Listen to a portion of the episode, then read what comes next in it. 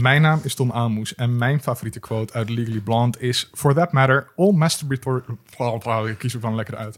All masturbatory emissions, where his sperm was clearly not seeking an egg... could be termed reckless aban- abandonment. Mijn naam is Sarah Boufadis en mijn favoriete quote uit Legally Blonde is... You got into Harvard Law? What? Like it's hard? Oh, die wou ik zeggen. beste quote, not beste sorry. quote uit film. Mijn naam is Coco Vries Netlagen en mijn favoriete quote is... Um, so, Elle, do you know what happened on Tastes or Lies yesterday? Mijn naam is Linda Duits en mijn favoriete quote uit Legally Blonde is... If I'm gonna be partner in a law firm by the time I'm 30... I'm going to need a boyfriend who's not such a complete bonehead. Ultieme wraak van is echt een zieke wraak.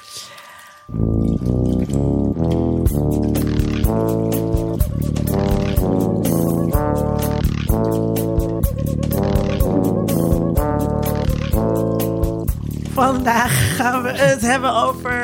eh, nou ja, ik zal niet vooruit lopen op de zaken, maar toch wel een ontzettend feministische film. Eh, Legally Blonde, of eh, feministische films. Legally Blonde 1 en eh Legally Blonde eh 2. De gast is Zara Boefenis. U hoorde haar net strafrechtadvocaat bij Jebbing Soeterman, eh Soeterman Advocaten en columnist voor evajinek.nl, wat ook doorgezet wordt op RTL. Eh, en eh, u kent haar misschien als eh, mijn beste vriendinnetje, waarmee ik heel vaak allerlei dingen kijk. Ook, maar leuk dat je er voor het eerst bent, hè? Heel veel ook, zin in. jee, ook de gast is Coco Furies Netlagen. Promovenda vasculaire geneeskunde aan het Amsterdam UNC. Carrière bitch dus. Zij doet onderzoek naar of poeptransplantatie kan helpen tegen diabetes. Spoiler alert, dat doet het. Eh, en disclaimer, eh, ik, ben, ik heb alleen maar vriendinnen uitgenodigd. Want sisterhood is powerful. Eh, misschien even, even een kleine rondvla, rondvraag, want het is leuk voor de kijker, want de kijker kan niet, of de luisteraar, sorry, de luisteraar, want de luisteraar kan niet kijken. Hoe blond zijn jullie? Tom, ben jij een beetje blond? Eh, ik was vroeger een hoogblond kind, maar dat is er met de jaren uitgegaan helaas. Maar ben je in je, ik- maar, maar, In de ziel? Ja. Ik, denk, ik ben bang van niet. Oh jee. Sorry. Sarah? Ik heb eh, donkerbruin haar, maar ik identificeer als platina blond. Ik heb het in mijn jonge jaren wel blond geverfd gehad. Geverfd Dus- ja, ja, ja, zeker. Je moet het wel een Zie beetje je, zo embodyen, ontdek ik ook weer nieuwe dingen over jou. Ja, ja, ja, ja. De hele studententijd gewoon lekker alles blond. Ehm, en dat heb ik toen ook wel geleefd, ja. Wat dan? Wat dan? Nou, Wat ik- betekent blond zijn? Gewoon onbezonnen, toch? Een beetje eh, jeugdig. Onbezonnen en jeugdig. Ja, Tom zei het ook. Jong kind, blond. Mhm, Ja. Dat kan ik, kan ik als eh, Legally Blonde alleen maar onderschrijven. Maar nu blauw, toch? Eh, nou, ja, het is nu blauw. Een beetje, het is nog een klein beetje blauw. Ehm, laten we, voordat we ingaan op deze film, gaan eh, terugblikken. En de gasten mogen altijd beginnen. Zara, wat heb jij gekeken, gelezen, gegamed?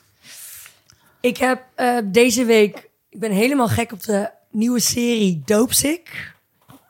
Eh, het staat op Disney. Ja. En ehm, dus Wat is er tof aan? Of ik, wist er, ik wist er niet heel erg veel van. Van eh, dat medicijn Dopesick en het kwaadheid wat erachter zit. Hoe dat zo is gepusht in Amerika. En ik vind de manier hoe ze dat neerzetten in de serie echt onwijs vet. En ik wil natuurlijk niet te veel spoilers geven. Dus ik zou echt gewoon gaan kijken. Ja, gaat over de Oxycontin, eh, hoe Oxycontin in de markt is gezet en, eh, en de epidemie. Hebben jullie al gekeken? Tom? Nee, nee, Nee, ik nog ook niet. niet. Ik nog niet. Ik had hem in de vooruitblik getipt op basis van eh, wat eh, Lars eh, had gestuurd, had gestuurd. En eh, ik zit ook, volgens mij zijn er nu drie afleveringen. En je moet, je moet echt kijken als je van eh, dit soort dingen houdt. Yes. Nog iets anders? Ja, ik, ik kwam er ook achter dat Narcos Mexico weer eh, een nieuwe, nieuw seizoen heeft. En daar, maar daar heb ik pas één aflevering van gekeken, dus daar kan ik nog niet heel veel over zeggen.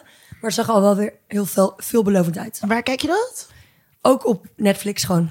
Ja, en dat is vervolgd dan op die... Voor, is het... Ja, Maar- Heeft het echt te maken met, met de eerste Narcos-serie? Want dat ging Ja, over... Colombia. Ja, Colombia. Ja, meer zijn hulpjes van de hoofdpersoon van de vorige. Die gaan dan nu door met het Imperium. Ah, oké. Proberen het nu weer een beetje op te starten. Er is iets aan de hand, maar ik heb pas één aflevering gezien. Dus dat moeten we Een even kijken wat er spin-off. gaat gebeuren. Maar eh, als je dit kijkt, kijk je dan ook met het oog van een advocaat? Een beetje, denk ik. Maar ik denk die narco-series in Colombia en Mexico... dat is toch wel echt een, heel anders dan in Nederland. En in Nederland hebben we geen narco-staat. Is dat zo? Weet ik niet hoor. Ja, nou ja. Sorry, dan zouden hier meer exotische mensen moeten wonen. Polariserende dingen. Coco. Ehm, ik ben nu aan het lezen en echt mega verslaafd aan Xian Liu. Ik zit tegen iedereen te tippen. The Three Body Problem. Ik ben halverwege. Het is echt een ziek goed sci-fi boek. Is dat dat Chinees? eh, Dat Ja. eh, heb, heb, heb ik laatst Ja. afgeraden.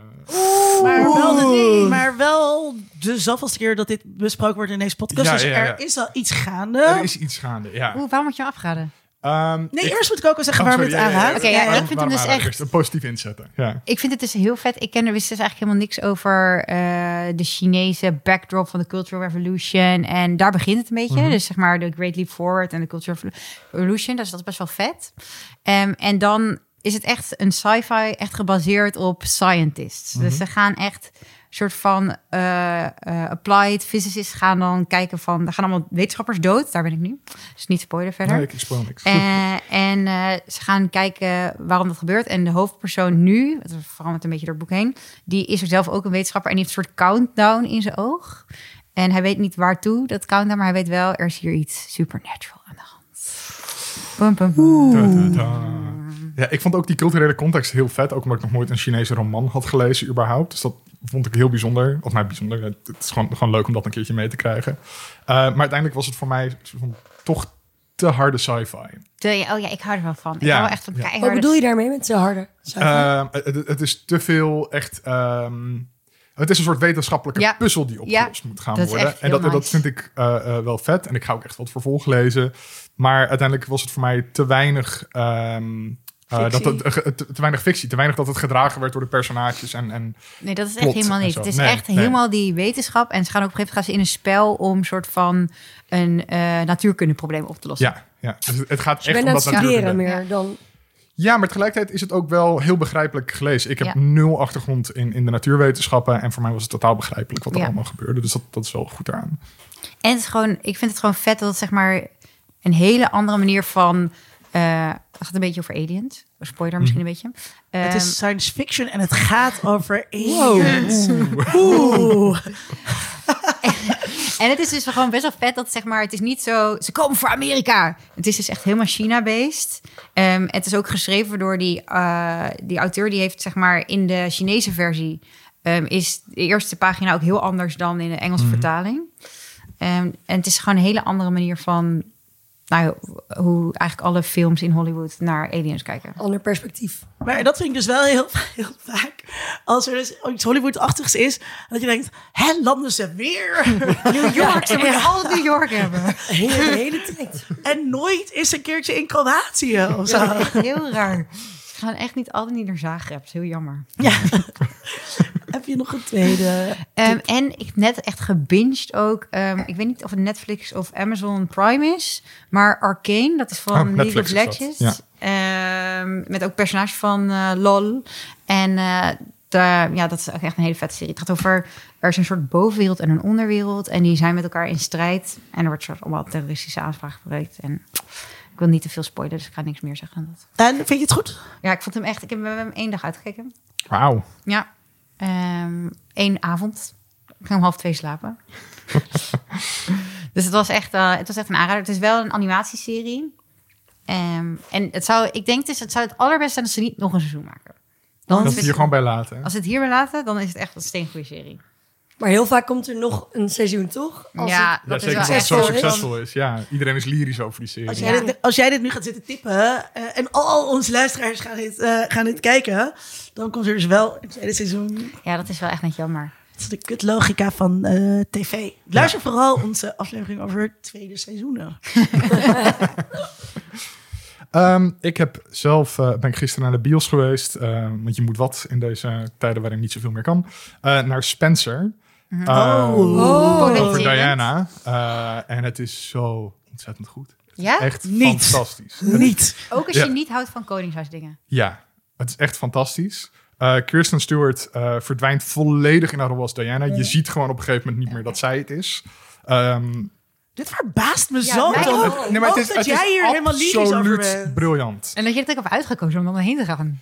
Ja, maar ik heb ook The Crown gekeken. Maar maar- weet- wat het juist is, is dat waar je heen bent geweest, is fictie, toch? Want ze zijn gaan fantaseren over wat Diana Ja, zou hebben Ja. gedacht en gedaan in de dagen. In tegenstelling tot The Crown, en alle documentaires op alle die jij allemaal gezien hebt. Zeker weten. Ja maar, maar het goede is dat, dat de film veronderstelt al die bagage die jij al over Diana hebt. Gewoon, de film gaat ervan uit van, je, je weet al wat, Ja. wat er mis is in natuurlijk. Je weet al waar ze vandaan komt. Dus dat hoeft de film niet nog een keertje uit te leggen. Dus het focust heel erg op hoe het zou moeten voelen om Diana te zijn tijdens de drie kerstdagen in 1991. Ja. En dat is de hele film, is die drie Die kerstdagen. drie kerstdagen. Ja, van, En dan is het net, is het dan net uit tussen hun? Of is het nog net aan? Volgens mij nog wel aan, maar wel, de Camilla is op een gegeven moment ergens in de achtergrond wel. Oh ja. Ja, is het dus niet dat is wel die drie dagen vlak voordat dat interview naar buiten komt? Oeh, dit Oh. weet ik niet. Mij wel. Dit, zo goed zit ik nou ook weer niet in mijn Diana lore. Ehm, Had je al die documentaires maar moeten had kijken? ik al die documentaires maar moeten kijken. Di. En, en je wordt dus echt perfect meegenomen in haar belevingswereld. En de focus ligt ook helemaal niet op die royals. Dus heel goed, er zitten denk ik twee scènes in waarin ze een gesprek heeft met Charles. Mhm. Eén gesprek waarin ze, eh, één scène waarin ze een gesprek heeft met Elizabeth. En voor de rest eh, eh, is dat heel erg op de achtergrond. Dan zie je haar in kamers, zie je haar met de staf om haar heen.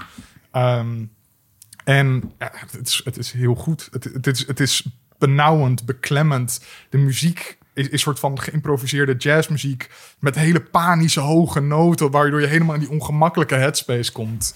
Ehm, ja, het- briljant gedaan. Ik ga, ga hem gewoon kijken. En kijk hem ook vooral in de bios, omdat het dan dus zo overweldigend is. Omdat je niet aan het ongemak kan ontsnappen. Ehm, Sonny Kemkes zei eh, een paar afleveringen terug in de vooruitblik, eh, tipte hij deze. En toen eh, zei hij dat hij heel erg zin had in haar outfits. Oh, ja, dit is echt... Werd je daarin bevredigd? Er is een maximale hoeveelheid outfits in die drie dagen. Waarin ze Kristen Stewart bij is. En er zijn dan. Dat is ook onderdeel van het plot dat ze dan. Ze heeft een jurk voor eh, eh, Christmas Day breakfast en brunch en de hunt en de borrel en het diner. en dat toetjes. Nee. maar dan hebben ze ook nog op een gegeven moment een hele scène met allemaal flashbacks waarin ze nog meer Duizend outfits jurken. hebben. Ehm, dus dat is, je hebt een maximale hoeveelheid prachtige Diana outfits. Dus voor En- mensen die daar. Nice. ja. En ik vroeg in die aflevering, of ik zei in die aflevering dat ik, eh, ik heb ook al die documentaires gekeken, al dan niet samen met Sarah, maar eh, ehm, eh, eh, dat ik, omdat je juist dus ook bijvoorbeeld in The Crown zo duidelijk die eenzaamheid van haar ziet. En als zij dan eh, door aan het rollerskaten is door het paleis en zo. Wat voegt dit dan nog wat toe aan wat we dus ook al in The Crown hebben gezien van die vervreemding die zij voelt en, en dat alleen zijn? Wat mij betreft wel, omdat je dus... ze- er- Je ondergaat het bijna zelf in die film. Je wordt, omdat je dus echt in haar hoofd geplaatst wordt. En dat is veel... In The Crown zie je het, maar in deze film beleef je het veel meer. Ik denk dat dat echt een verschil is. Misschien ook omdat het maar drie dagen dan is, dat het Ja. lang gerekt is. Ja. Is Het- dat nog dat zij ook borderline had? Of is dat, komt dat helemaal niet terug? Nee, haar eetstoornis komt wel terug. Mhm. En op een gegeven moment wel wat soort van hallucinaties. Maar ik weet niet hoe... de- Of dat meer is bedoeld om iets te illustreren. Of dat de film echt zegt... Diana had op dit moment hallucinaties van Ja. dit. Dus ja. ja. Spannend. Ja, Vet. echt, echt heel goed. Uh, en ik had ook nog... Um, Zo, drie dingen. Oké. nee, twee. Oh, sorry. Dit is mijn eerste. Oh, sorry. Gewoon sorry. een tweede. Het spijt me toch. Um, ik heb ook Sunshine herkeken uit 2007. Dat is een sci-fi thriller met Cillian Murphy en een pre-Captain America Chris Evans. Um, en het gaat om een missie, want de zon dooft uit en die moeten ze op gaan blazen met een gigantische bom om hem nog een keer soort van te kickstarten. Dit is de tweede missie. Ja, het is belachelijk. Het is een belachelijk Oké, idee. dit is iets meer fictie dan science. Ja, Dit is Ehm, helemaal de andere kant. maar waar het daadwerkelijk om gaat, is dat er een missie vooraf is gegaan en die missie is mislukt. En terwijl de tweede missie die wij dus volgen, daar naartoe gaat, eh, komen ze die vorige missie tegen en zitten ze van, oh, misschien moeten we daarheen, want in plaats van één bom hebben we dan twee bommen bij ons en dat is twee keer de kans. Samenwerken. Nice. Samenwerken. Maar ehm, ze gaan ervan uit dat iedereen aan boord dood is en ze vinden ook wel wat lijken. Ehm, maar misschien niet alle en dan gaan ze weer weg en dan is er iemand aan boord. En dan begint eigenlijk een soort van alien-achtige eh, horror thriller te worden. Uh, en daar ben ik altijd heel erg fan van. van. Dat je op een ruimteschip zit, midden in de ruimte, wat al doodeng is. En dan is er Echt, één hè? killer Echt? aan boord. Ja. Ehm, en dat, dat werkt gewoon heel goed. Hele goede thriller. Als je daarvan houdt, hebben. als dat je dingen is gaan kijken. Alles met Nice. Chris Evans is leuk. Ja, dat is al een goede rol voor. Oké, oké, oké. Hoog geworden. Ik, heb, eh, ik ben ook naar de bioscoop geweest, naar House of Gucci. Oh, ja. Ehm, Bijna drie uur. Je bent nog steeds daar eigenlijk. volgens mij. Ja, en dus het is, er ja, dus je verwacht een soort epos over die familie Gucci, terwijl het toch echt alleen maar het verhaal is van eh, Kylo Ren en Lady Gaga. Ehm, Ontstijgen ze de, de Kylo Ren's en de Lady Gaga's? Nou ja, ik vind het dus heel lastig met Lady Gaga. Ik heb haar eh, gezien in ehm, American Horror Story.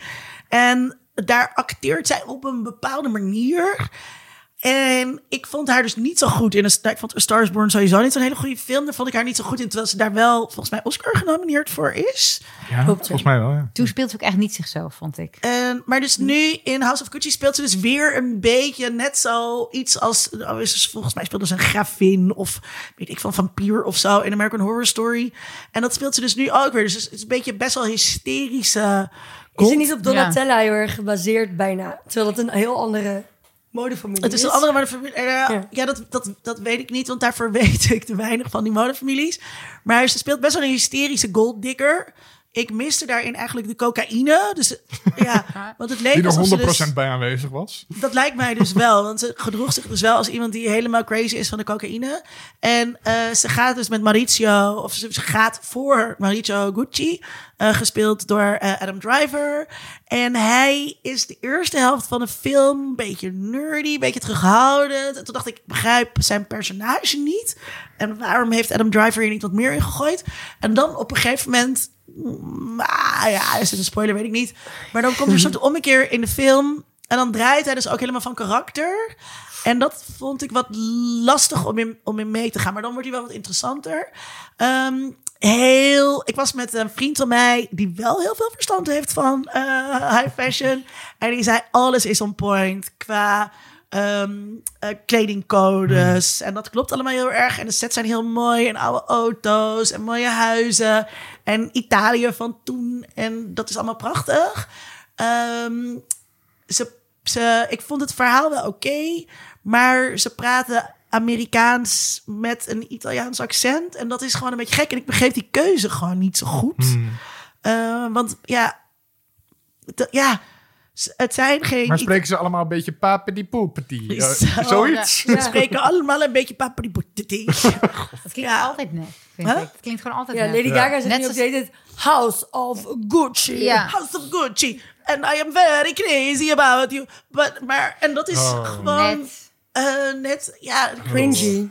Ja, het- ik vond het dus heel cringy. En op een gegeven moment, want die film duurt dus bijna drie uur, dan wen je er wel aan.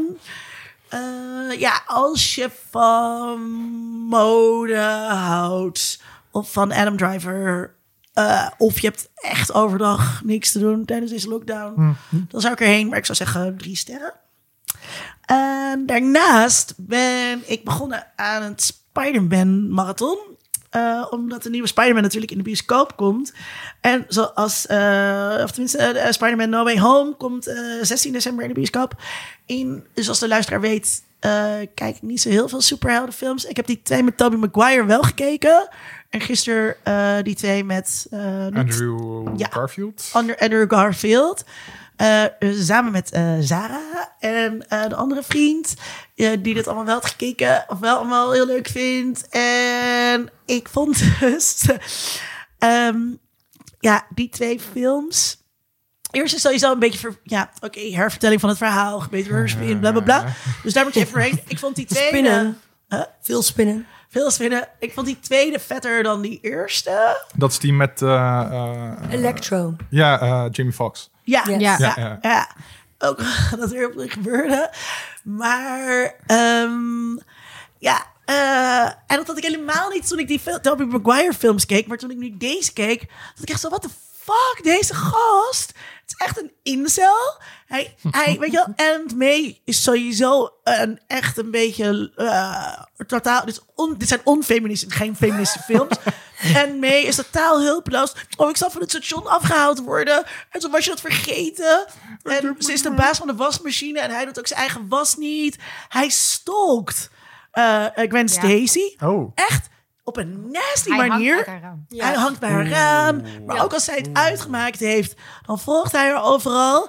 En dan zegt hij ook, zij zegt dan op een gegeven moment, are you following me? En dan zegt hij, ja. En dan zegt hij, oh, oh wat aardig. Maar oké, stalken is dus gewoon niet... En, en hij, is dus, hij draait alleen maar om hem. Hij denkt alleen maar aan zichzelf. En helemaal niet aan Gwen Stacy, die gewoon naar Oxford mag. En dat gaat er dan helemaal... Hij gaat het dan helemaal dwarsbomen. Ehm, dus we waren er een beetje verbolgen over, hè? Ja, ik dacht dat ik een superheldenfilm ging kijken. en toen zag ik opeens dat ik Spider-Man helemaal niet cool vond. Ja. Ah. Oh, maar Tom Holland is wel nog leuker. Die gaan we hierna kijken, toch? Maar is hij ook een loserige incel? Nee. Nee, nee, hij is meer een beetje zo'n geeky jongen. Maar en Ant May wordt iedere In film tegenstelling een tot incels, want die zijn helemaal niet Ja, Ja, maar dat, hoezo maar dat is wordt echt jonger? de, de running gag in eh, de, Marvel Spider-Man eh, films van, van de afgelopen paar jaren is de hele tijd gewoon holy shit, Aunt May is hot. Ja, Melissa ermee. Hoppa. Maar dat is maar, ja, maar ik zat echt zo Ja. is het mee? Sinds wanneer is zij? Is, dit in de Is hij nu 40 of zo? oud? Toch? Maar zij is toch nog steeds gewoon niet oud? Ze is nog niet zoals Sally Field oud. Nee. Maar Tom, eh, maar je hebt dit allemaal gekeken, denk ik. Ja, maar die oude, ehm, alleen toen ze uitkwamen, die Andrew Garfields ook toen ze uitkwamen. En ja, dat is eigenlijk alles wanneer het uitkwam. Maar want ik weet wel dat die strips ook allemaal, dat daar ook steeds weer opnieuw begonnen wordt en allemaal Mhm. hervertellingen zijn. Maar zijn deze twee dan heel erg off? Is dit een soort lippendienst aan een bepaald deel van het Spider-Man fandom? Ik weet niet, die, die, ik weet nog dat ik wel of herinner dat die Andrew Garfield films een beetje obligaat voelden. Van, Ja. we moeten weer met de Spider-Man film uitkomen. Misschien dat er anders het IP verloren ging Ze gingen de rechten kwijtraken. Ja, Dus daarom wouden ze, moesten ze gingen hem nog een keer uitbrengen. maar, dit, maar dat is al, als, als een film daar vandaan komt, Ja, dan gaat het toch beter niet kunnen doen dan. Ja. Nee. Ehm, dus dat voelt ook een beetje, die, die hele film voelt een beetje van, oh ja, nog een keertje Spider-Man. En ik vind dat ze dat met Tom Holland een stuk beter gedaan hebben. Dan doen ze ook niet de origins. Dan gaan ze Nee. gewoon ergens beginnen. Nee, want dan, dan is er een Spider-Man en Iron Man heeft zoiets van, waarom is er een Spider-Man in New York? Wat de fuck gebeurt hier? En dan vanaf daar pakken ze hem op. Eh, dus dat, dat vind ik veel interessanter. Ik ben dus wel benieuwd. eh, volgend weekend denk ik dat we die andere twee dus gaan kijken. Mhm. En dan in aanloop ehm, eh, naar de de Spider-Man die dan eh, in de bioscoop komt. Eh, Spider-Man No, no Way Home. En eh, als je wil weten wat Tom en ik van eh, wat onze verwachtingen zijn over die film. Mhm. Oeh, dat is eh, een goed bruggetje. ik, dacht, ik dacht er even zo maar in. Dan, eh, ja, dan eh, kan je je abonneren op onze bonus content. Eh word vriend van de show eh, of Patreon. Kan, is dat eigenlijk ook bij terugwerkende kracht? Krijgen ze dan ook Ja, die... ja, dan kan je bij, bij ook de vorige eh, eh, bonusafleveringen en ons audiocommentaar bij de ongeëdite versie van Star Wars A New Hope. Nou, als ik luisteraar was en nog geen vriend van de show of Patreon, dan wist weten, ik ja. het wel. Eh, kijk op uh, geekydingen.nl en dan vind je hoe je dat wordt. Ehm, en dan zijn we heel dankbaar.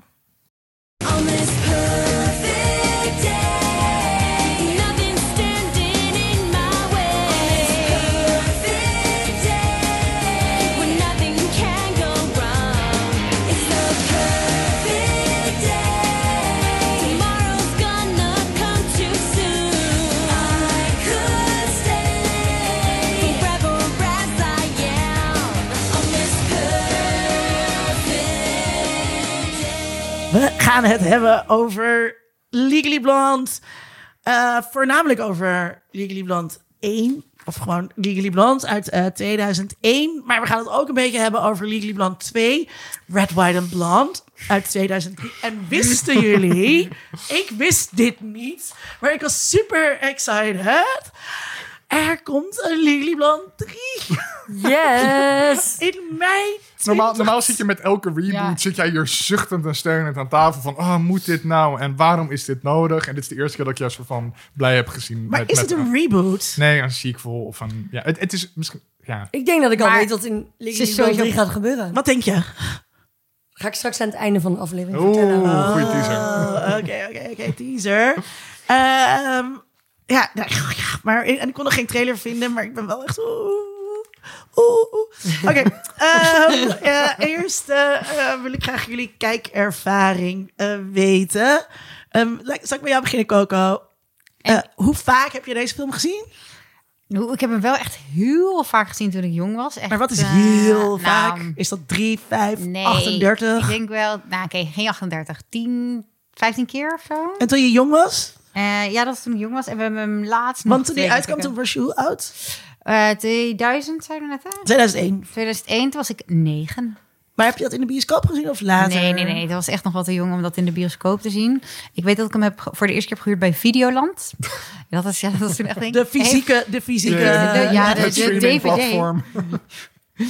Eh, en daarna hebben we hem gekocht op DVD. Dus eh, ik heb kijk, ja, dat is echt commitment.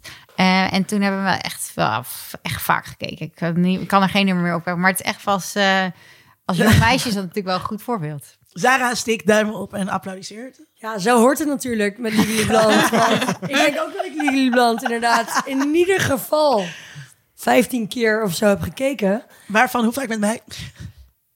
15 keer. maar ik denk inderdaad, wat Coco net ook vertelde, als eerst inderdaad op een DVD thuis. Maar weet, je- en weet je ook nog de eerste keer? Ja, volgens mij bij vriendinnen thuis. En toen heb ik het volgens mij heel lang niet gezien. en toen opeens ontdekte ik hem weer. En wat het zo vet is aan Legally Blonde... is dat het even vet was als de eerste keer. dat het gewoon standaard heel goed blijft. Ja, ja. Ja, ik ben zo benieuwd. Kijk, want dit wist ik dus allemaal.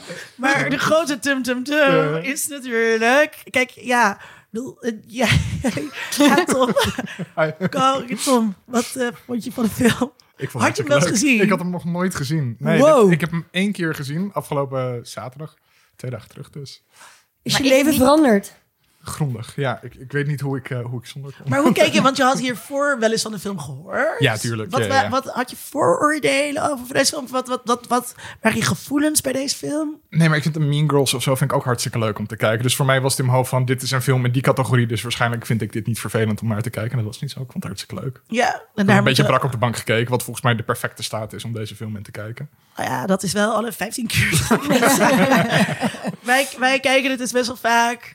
Als we, als, soms weet je gewoon niet wat je moet kijken. En dan is het altijd lekker om een klassieker te pakken. En dan kijken we dus of Mean Girls of Legally Blonde. En het verveelt nooit. Eh, we hebben gisteren eh, alle twee weer gekeken. En ja, en er zijn maar weinig films waarbij je dat dus hebt. Dat je, dat je hem kan blijven kijken en dat het dus echt niet stom wordt. Eh, terwijl ik heb het toen, eh, toen die uitkwam in 2001, heb ik hem zeker niet in de bioscoop gekeken. Dus ik weet eigenlijk niet wanneer ik hem voor het eerst heb gezien. Ik denk toch wel een keer, eh, ik heb hem ook nooit gehuurd. Dus ik denk echt een keer bij, eh, of op tv of bij een van die streamingdiensten. Ik ben niet Heb echt... jij pas later ontdekt dat dit soort films leuk waren? Nee, want ik was altijd al een fan van high school films. En het, kijk, het is natuurlijk meer een soort college film. En ik, zit, ik hou heel erg van dit genre. Dus eh, nee. Maar ik vind, ik vind Reese Witherspoon niet zo heel tof. Ah, ja. Ehm, wel in deze film, sorry. Oh, ja, het lijkt bijna alsof ik deze Duidelijk film, zeg, ja. alsof ik deze film afval. Ehm, ja, dus nee. En ehm, deze film is na... ehm, eh, hoe heet het? Dangerous Liaisons? De... Oh, Uh, Cruel Cruel, Intentions. Cruel Intentions. Ehm, waar Reese Witherspoon natuurlijk ook in zit. En Selma Blair ook in zit. En Cruel Intentions is wel echt een van de toppers in ehm, het high school genre. Waar ik heel erg van hou. Dus, maar ja, maar, ik, maar dat soort films kijk ik eigenlijk nooit zo goed in de bioscoop. Ehm, laten we beginnen even met het strafrecht. Om het even licht te houden. Ja. Ehm Zaar. Eh, het, gaat, het is, een film, is het een film over eh, strafrecht? Ja, het is natuurlijk heel leuk dat je ziet... Je ziet eigenlijk een hele carrière van een, ja, iemand die advocaat nou, eerst wil ze niet eens advocaat worden. Hè. Ze zit gewoon op college. En ja, het komt maar op haar pad. En dan begint ze aan, na- natuurlijk aan Harvard Law School. Maar je ziet eigenlijk hoe dat gaat. Hoe die hele carrière gaat. En dan natuurlijk ga je het dan vergelijken met... Hoe was dat nou voor mij? Ja, hoe was het dan voor jou? Wel een beetje anders. Wilde jij ook strafrecht gaan studeren om eh, terug te... om een, om een jonge... Advocaat te worden. Nee, om, eh, om, om een jongen terug te winnen. Of eh, om een jongen eh, af te troeven. Was je eerst ook een fashion major? Ja, Helaas wist je dat niet. niet? Maar... Nee, jullie kunnen mij niet zien, maar als jullie me nu zouden zien, weet je dat ik geen fashion major heb. Wel, wel, wel. Maar ehm, ik vond het heel leuk. Je ziet natuurlijk die opbouw, hoe ze dan advocaat wordt. Maar dat gaat natuurlijk wel heel anders dan hoe dat in het echt gaat. Ehm, vooral bijvoorbeeld in Harvard Law. Eh, wat ik heel erg opvallend vond, is in de collegebanken ehm, hoe heftig dat is. Dus zij zit daar maar en, en die docent komt gewoon op haar afgelopen. En die vraagt haar wat en zij zit daar gewoon iets anders te doen. Wat alle studenten altijd doen. Altijd. En dan vraagt ze aan een andere student: Wat zou jij nu met haar doen? Ja, Dat is echt een machtsspel. En eh, ja, dat gebeurde nooit bij ons in de collegebanken. ik doe dat voortdurend. Nee, echt. Linda's colleges zijn echt gewoon... Oh, Het is een, het is een pure strijd om te overleven. Tom is een oud student van mij. Ook. En, eh, en in Harvard Law is natuurlijk de Socratische methode. Dat is op de UvA ook wel heel anders. Ehm, en dat iedereen is daar zo gedreven. Is, heet het een hand aan het opsteken? Heet het, nee, ik wil het vertellen, ik wil het vertellen. Allemaal kleine hermelientjes. Dat was ook heel anders eh, op de UvA, waar iedereen ja, half voorbereid. Eigenlijk een beetje zoals El, dus beter. Ehm, en wat ook opvallend is, is dat ze in haar eerste jaar al eh, een moordverdachte mag bijstaan natuurlijk. Ja, dat, dat wil iedereen, maar dat is in het echt natuurlijk niet zo. En ehm, wat ik ook heel opvallend vond, is de uiteindelijke zaak die ze gaat doen, is heel filmisch. Het is echt de, ja, wat je bijna in een strip zou zien van een moordzaak. Gewoon een oude eh, miljonair met een eerste vrouw die dan weg is gestopt door Raquel, Raquel Welch. Ja, Ja. een hele vette rol. En eh er komt, er is er een dochter en eh, die vader die Chutney. krijgt dan, ja, die vader krijgt dan met eh, iemand die even oud is als de dochter. En ja, en dan de Cabana Boy, alles. Het is gewoon zo filmisch. Dat is in het echt ook niet. Nee, in het echt is dat niet. Dus veel genuanceerder. Helaas, want het zou veel spannender zijn, denk ik, als het zo zou zijn. Als... Maar Is het, is het, kijk, het is natuurlijk een soort van voor de hand liggende vraag van de representatie van strafrecht. Er is best wel veel eh, geschreven en nagedacht ook over was Legally Blonde een reden voor jonge meisjes om ook eh, eh, de advocatuur in te gaan.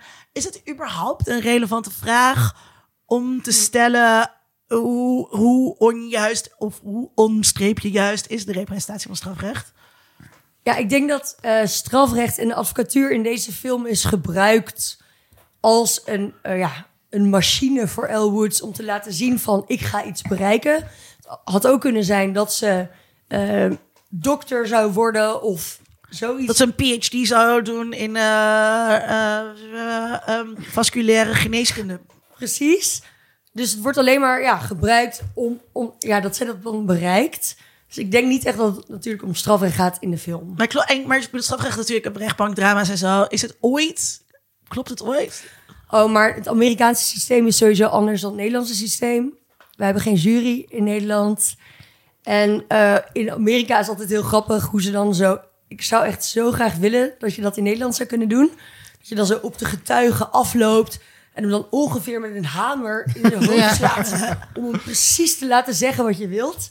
Maar dat is in Nederland helaas niet zo. Ehm, maar in Nederland is denk ik wel een veel beter systeem... want die juryrechtspraak lijkt me altijd heel erg rigged. Ja. Ja.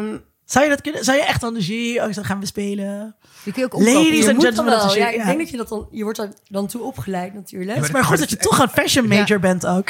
Het, maar het is echt alsof het theater is natuurlijk. En daarom lenen die, dat Amerikaanse systeem leent zich gewoon heel erg voor films. Omdat dan aan het einde die advocaat opstaat en rechtstreeks Ja. de Oh jury toespreekt. En dat is al een publiek. Ja, dus en dat, wat- dat, dat werkt zo En de jury is als de kijker. En wat Ja. ook altijd zo is, is dat in alle films wint de advocaat altijd, toch? Ja. Bijna. Dat is wel het idee, ja. De officier van justitie Misschien niet de eerste keer, maar de tweede keer dan. Maar in het echt is dat eh, niet zo. Oh, dat is ook kut. Ja. Ehm, ik, eh, in, in, in, in films of series willen advocaten altijd weten of de verdachte die zij verdedigen eh, schuldig of onschuldig ehm, is. Dat is echt heel cruciaal. Zo ook in deze film wordt dat heel belangrijk gevonden.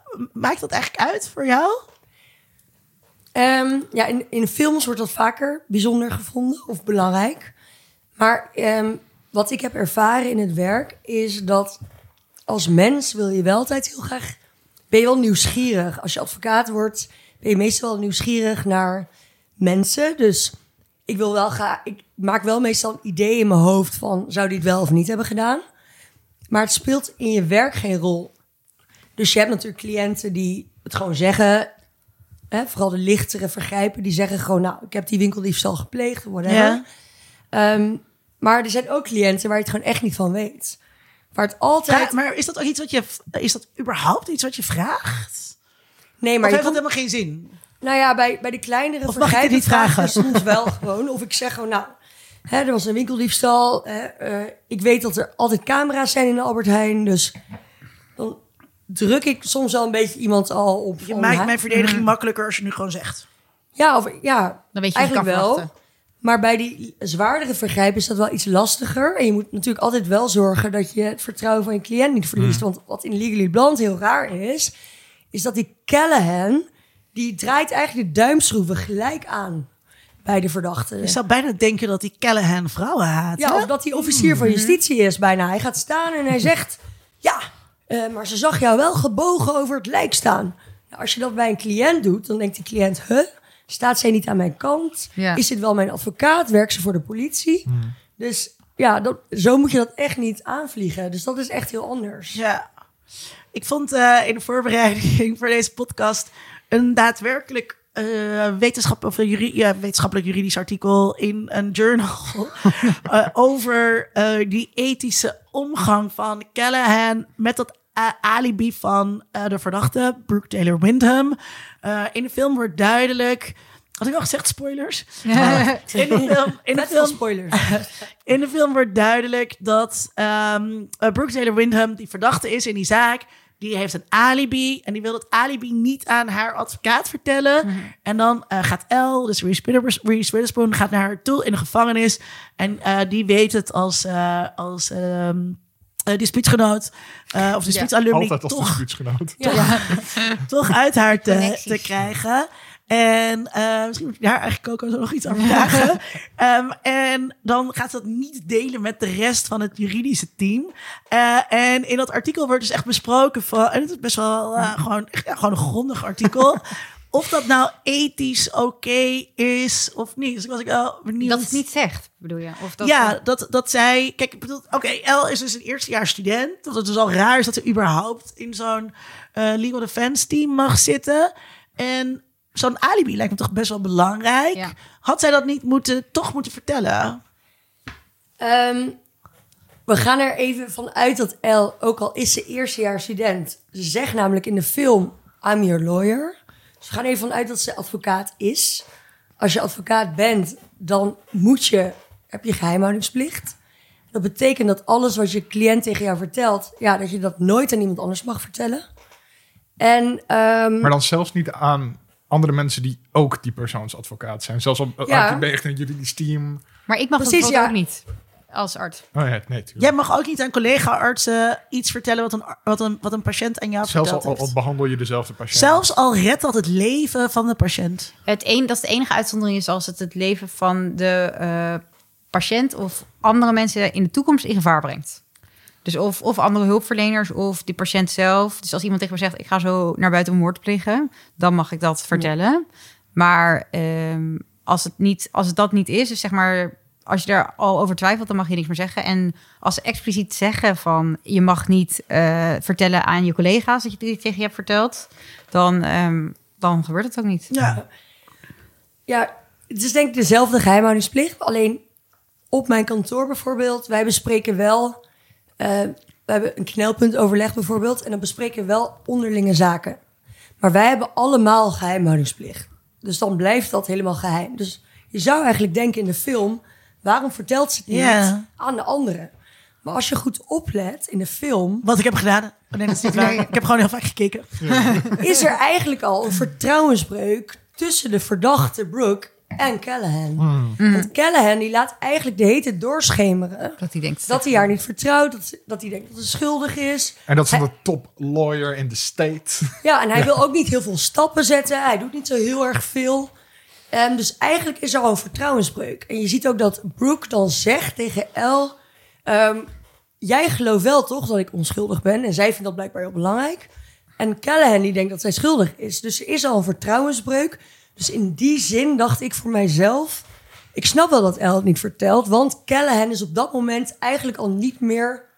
eh, ja, haar, haar, haar best, en, ook, haar best, ook niet haar beste advocaat. Ja, dat is natuurlijk ook raar dat hij ook zo openlijk naar zijn team van studenten eh, dat allemaal laat doorspiegelen. En, ehm, en ook dat belang van. Eh, want het gaat natuurlijk Ja. niet om die, om die schuldig, schuldig zijn, maar om krijgt zij een eerlijk proces. Ja. Maar zij krijgt bij hem al geen eerlijk proces, Ja. want zij is blond en zij is jong. Ja. Ja, en plus, je hebt je geheimhoudingsplicht. En wat ook iets anders is waar je altijd aan moet houden als advocaat, is dat je partijdig bent voor je cliënt.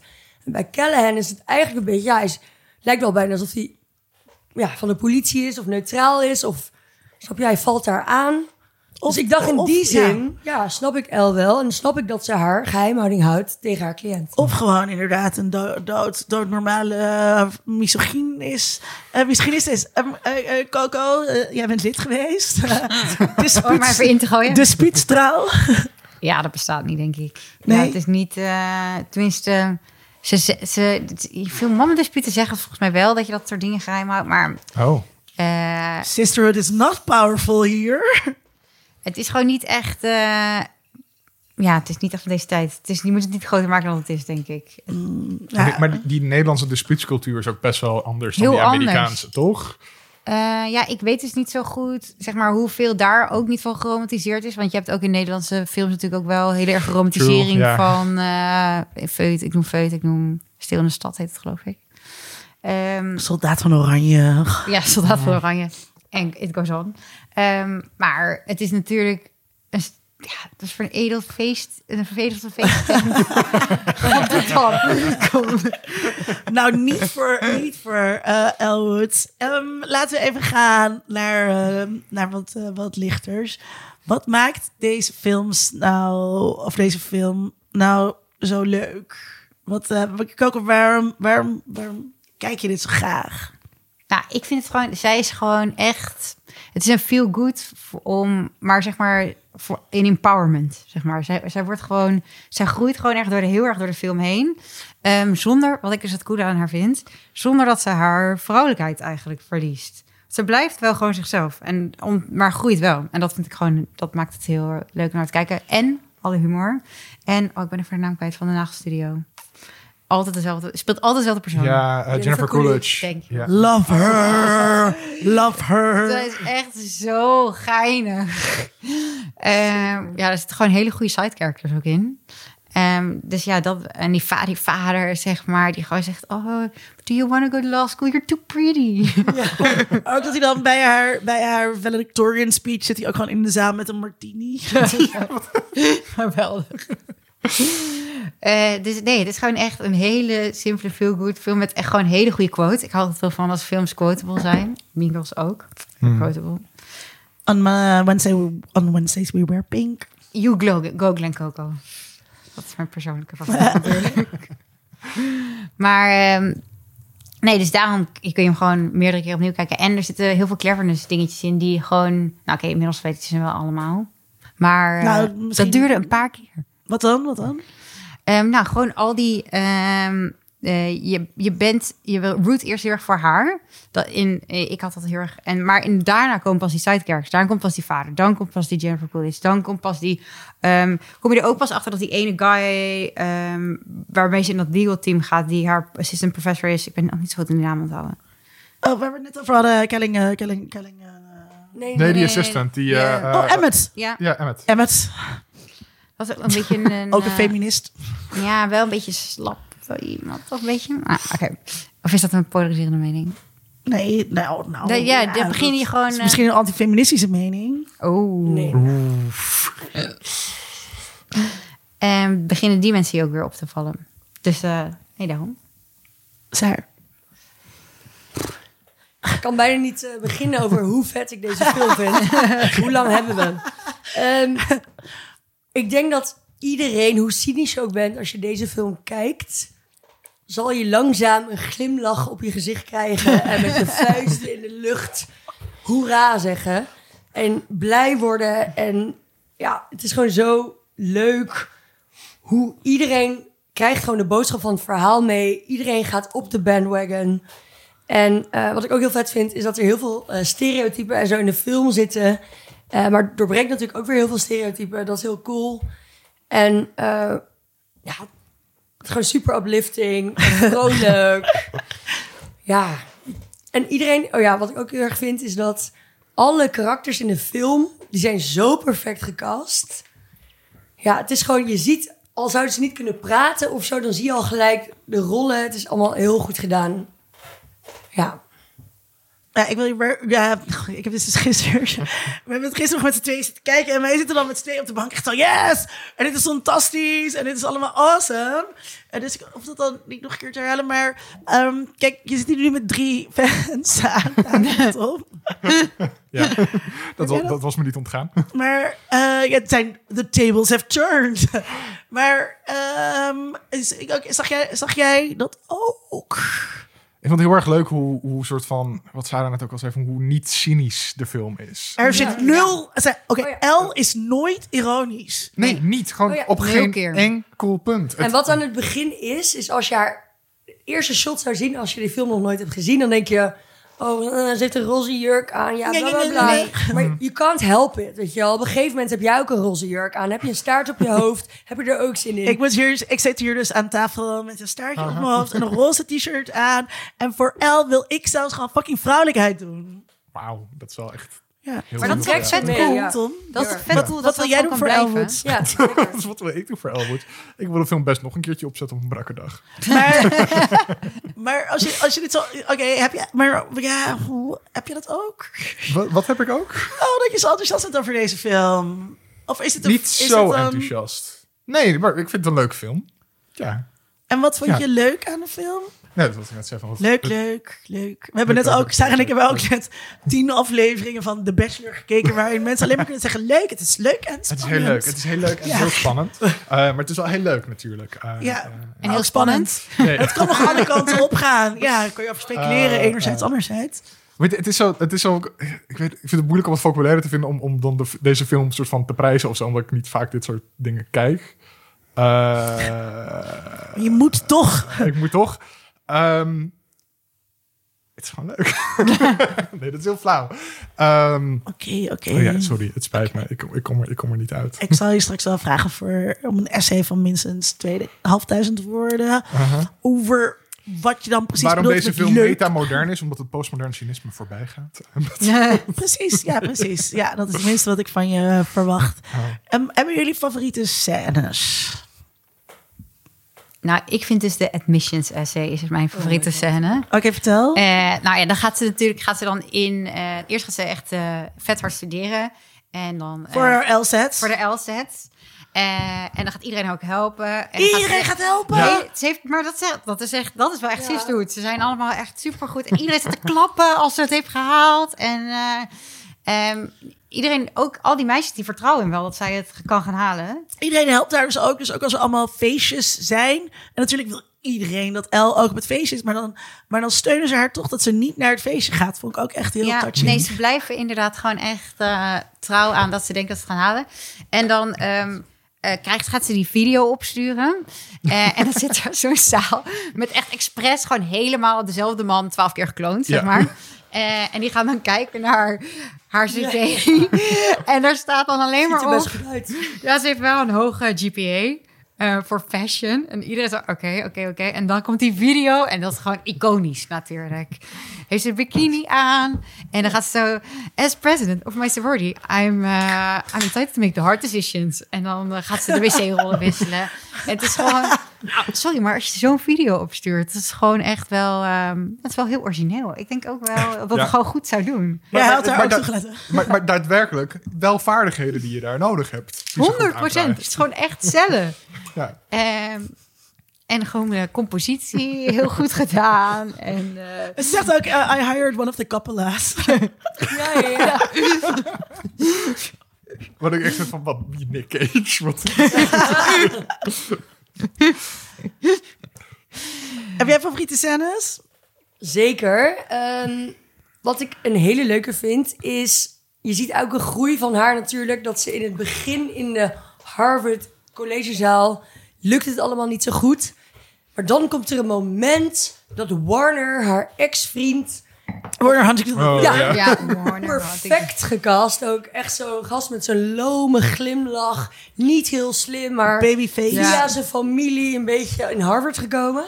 En die denkt dan dat hij een heel goed antwoord geeft op een vraag. Wat vaker op die manier zo gaat. En ehm, die zit er dan helemaal tevreden te zijn. En die denkt dan dat El niks zal weten. En dat is dan haar eerste moment dat ze haar slimheid inzet op een manier dat ze er zelf wel gaan, van geniet.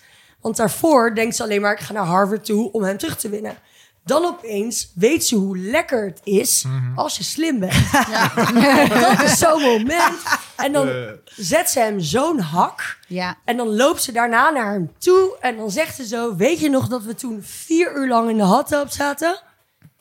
En dan Ja. kijkt hij een beetje zo. "Huh, huh?" Dat was lekker. En dan zegt ze: This is so much better. En dat is gewoon zo cool. ja.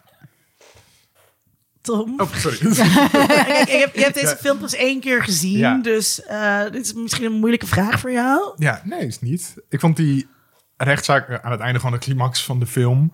eh, misschien een beetje een lui antwoord... maar ik vond het heel erg leuk dat ze dan toch door s- kennis die alleen zij kan hebben...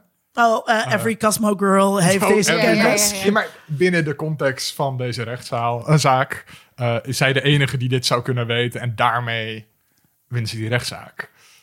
Voor mij is dat dus echt... ehm, nou, als ik een rijtje zou moeten maken met most awesome moments in popcultuur, zeg maar, dan heb je ehm, Angel en Buffy, Buffy the Vampire Slayer, waar Buffy voor het eerst seks heeft met Angel en dan wordt Angel weer slecht en dan lacht hij haar uit als zij zegt, wasn't I good? En dan zegt hij, no, you were the worst sex I ever had, wat de allerergste nachtmerrie is. Van, oké, dat, zeg maar, staat sowieso op nummer één, maar ik denk op nummer twee staat de rechtbankscène waarin Elwood's Chutney, eh, wat ook die ook geweldig gecast Ja. is en geweldig Linda gespeeld wordt. Cardellini. ja. Wat zeg je? Piepjonge Linda Cardellini. Ja, oh, zij is lekker. Ja, Allemaal perfect Ja. gecast. allemaal Ja. perfecte kast. En zij zit daar elke keer, helemaal verveeld en weet je, zo zeker van haar zaak.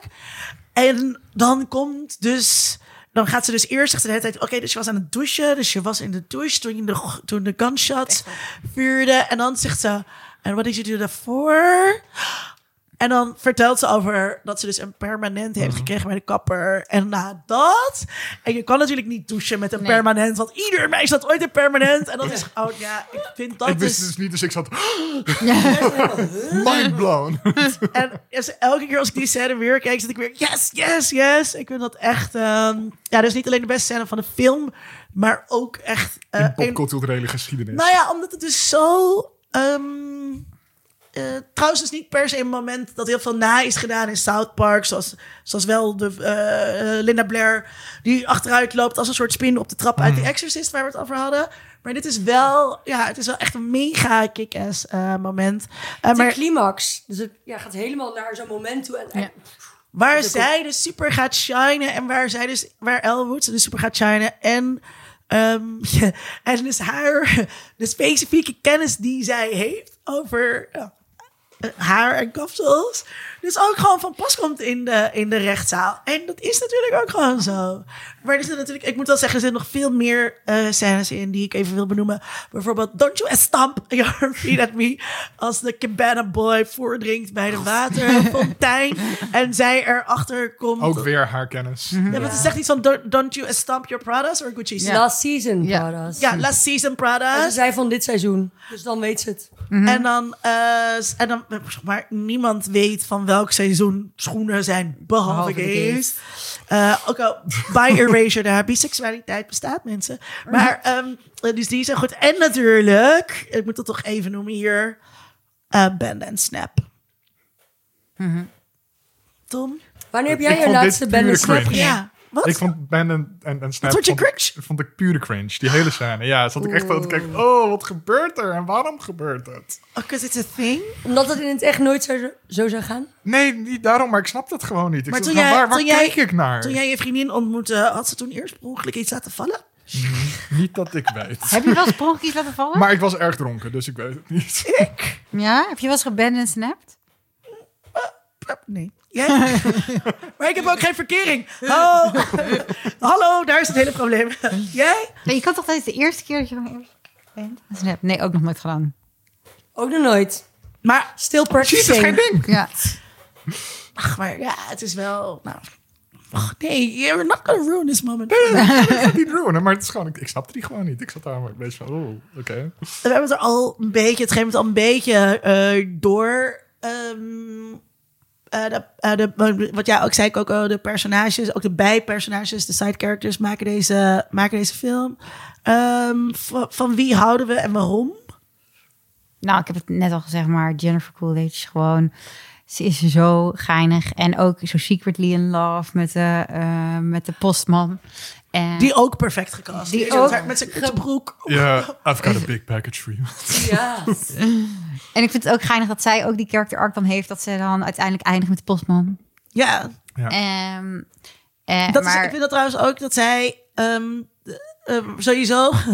Laat ik dan sack uit. Ja, Eh, oké, het is ook een heel intersectionele film. Maar dat dus ehm eh, eh, El haar net verkregen juridische kennis gaat inzetten om een andere vrouw te helpen. En dan Ja. doet ze ook gewoon een blablabla, blablabla. Weet je wel, eh, fake, fake it until you make it met die ex-partner. Maar ze gaat wel Jennifer Coolidge helpen. Dat is de Ja. eerste keer dat ze Ja. een andere vrouw op die manier uit de brand helpt. ja, Zeker. want daarvoor werd ze geholpen door haar eigen Precies. Ja, Like. zusters. Dus eh, Jennifer Coolidge en het personage heet... hoe heet zij ook? Nou, maakt niet uit. Saar? Ja, wat ik heel, eh, heel vet personage vind, is Selma Blair. De Vivian. actrice, Vivian. Omdat ehm, deze film gaat natuurlijk over eh, blondjes zijn dom, dat dat een stereotype is, dat wordt doorbroken. Maar wordt niet ook doorbroken dat een brunet altijd maar eh, serieus, bla, stom moet zijn. Weet je? Dus zij doorbreekt ook weer dat stereotype op het einde. Dus daarom vind ik haar ook heel cool, want ze is in het begin echt zo'n perfect iemand voor die rol. Maar dan, ja, wordt ze steeds blonder eigenlijk. Ik vind dus, ja, en daar is ook eh, de ontwikkeling in de relatie. Sowieso vind ik dus al die ontwikkelingen in die relaties heel vet. En eh, natuurlijk haat El aan het begin Vivian. Precies, ja. Dus eerst haat ze een andere vrouw. Dat is ook een hele groeiende film. Dat eerst is Elle nog een beetje zo'n sorority girl-achtig van... Oh, weet je, ik ga iemand pesten en dan, dan kom ik zo En aan ze top. wordt ook zelf gepest door Vivian. Laten we niet vergeten. Oh, Ja. nog een iconische scène die we zijn vergeten. Eh, het feest waar Vivian haar op uitnodigt. Ja. Precies. ja. Dat, ja, dat zelfs Bunny dan Ja. komt, Ja. omdat ze denkt dat ze verkleed moet komen. Maar dan zet ze daarna de power move dat ze in haar Bunny outfit naar de bibliotheek gaat. Omdat ze dan denkt, ik ga jullie kapot maken met studeren. Ja, maar er is dus alle. ehm, eh, dus bij heel veel. ehm er zijn allemaal leuke personages. Maar er zit dus ook heel veel ontwikkeling in de relaties tussen die personages. En dus ook tussen eh, Vivian en ehm Elle. Maar mag ik ook een negatieve geven?